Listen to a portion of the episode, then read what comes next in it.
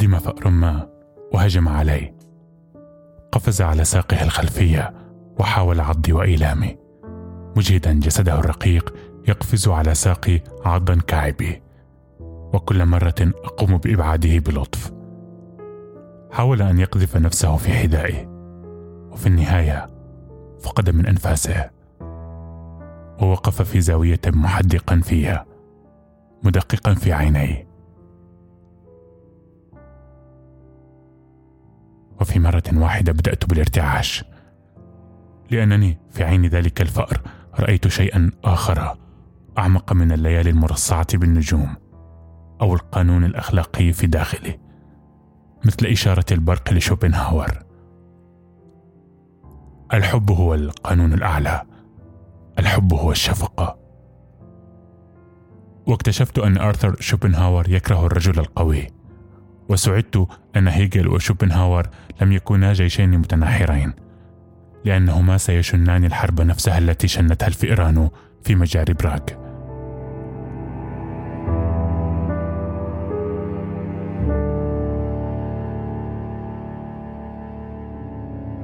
كنت شديد الحذر عندما وصلت إلى البيت واستلقيت بجميع ملابسي فوق الفراش ممددا بالعرض تحت غطاء من الرفوف ما يقابل طنينا من الكتب.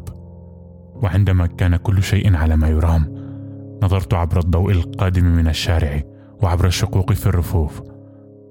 وعندما خمد كل شيء في هدوء بدأت في سماع أسنان الفئران وهي تقدم شيئا ما. سمعتها وهي تقدم كتبا في جنتي رعبني صوت قدمها لأنها كانت مرتبطة بالزمن قبل صياغتها لأعشاشها. وفي أشهر قليلة بعد أن صنع الفئران الأعشاش وجدت مستوطنة وبعد ذلك كونت قرى وفي تقدم هندسي كبر معها في سنة لتؤسس مدينة مدينة من الفئران في وسعها أن تقدم وتحفر عبر اللوح وفي الأشعة بكل مهارة. قبل ذلك بكثير. نعم الزمن لم يكن بعيدا. لم يكن غير صوت مرتفع للمسة عابرة لطنين من الكتب. كي تأتي براسي وتنتقم مني شر انتقاما لتلك الأكوام الأكوام التي سحقت فيها فأرين في داخلها. وعموما هناك أنام. نصف نائم مسكونا بالقدم الذي يسري فوقي.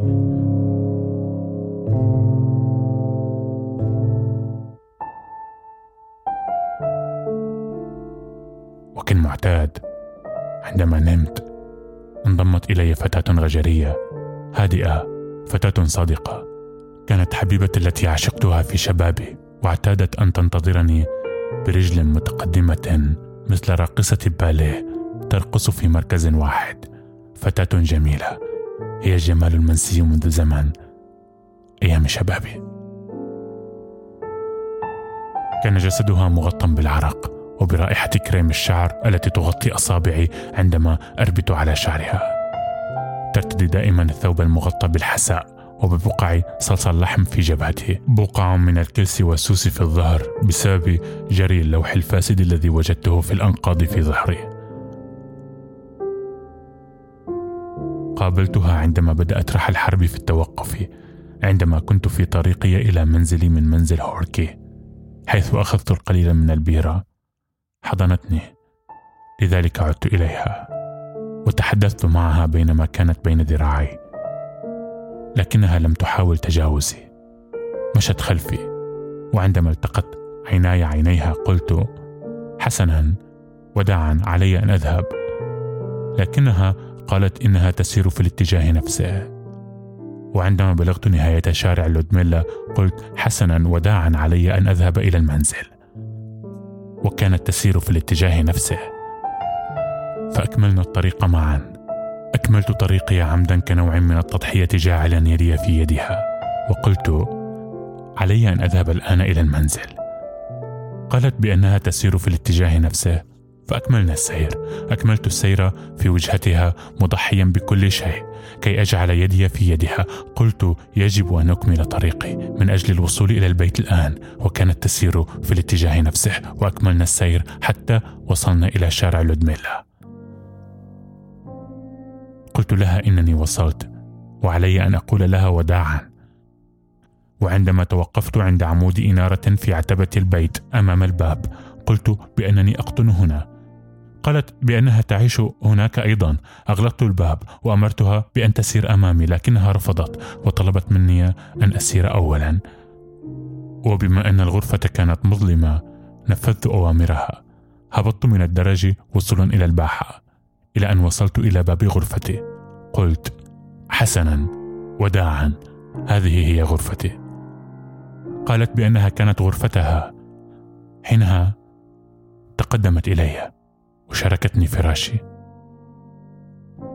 وعندما استيقظت من الفراش لم يزل دفئها في الفراش بينما غابت هي. لقد رحلت. لكن في اليوم التالي وطيلة الأيام التي تلتها في لحظة وقوفي في الباحة أراها جالسة عند عتبة الباب. وتستلقي بعض اللوحات البيضاء والأشعة مرئية تحت النافذة. عندما أغلق الباب تقفز مثل قطة وتركض باتجاه غرفتي دون أن ينبس أحدنا بكلمة. ذهبت لاحقا لأحضر بعد البيرة وزجاجة نبيذ بخمس لترات. كانت الغجرية تشعل فرن الحديد القديم الذي كان يشتعل بقوة حتى وإن كان الباب مفتوحا لأن الغرفة كانت ذات يوم ورشة حدادة بسقف عال وموقد كبير. قامت لطهي عشاء من بطاطا الجلاش وسلام الخيل ثم جلست قرب الموقد كي تغذيها بالحطب.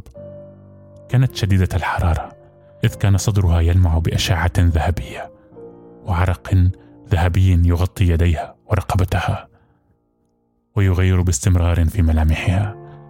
بينما كنت مستلقيا فوق الفراش فقط كي أخمد عطشي بقنينة النبيذ قبل أن أحملها نحوها. أمسكت القنينة بكلتا يديها وشربت بطريقة تجعلني أنصت لصرير تحرك حنجرتها.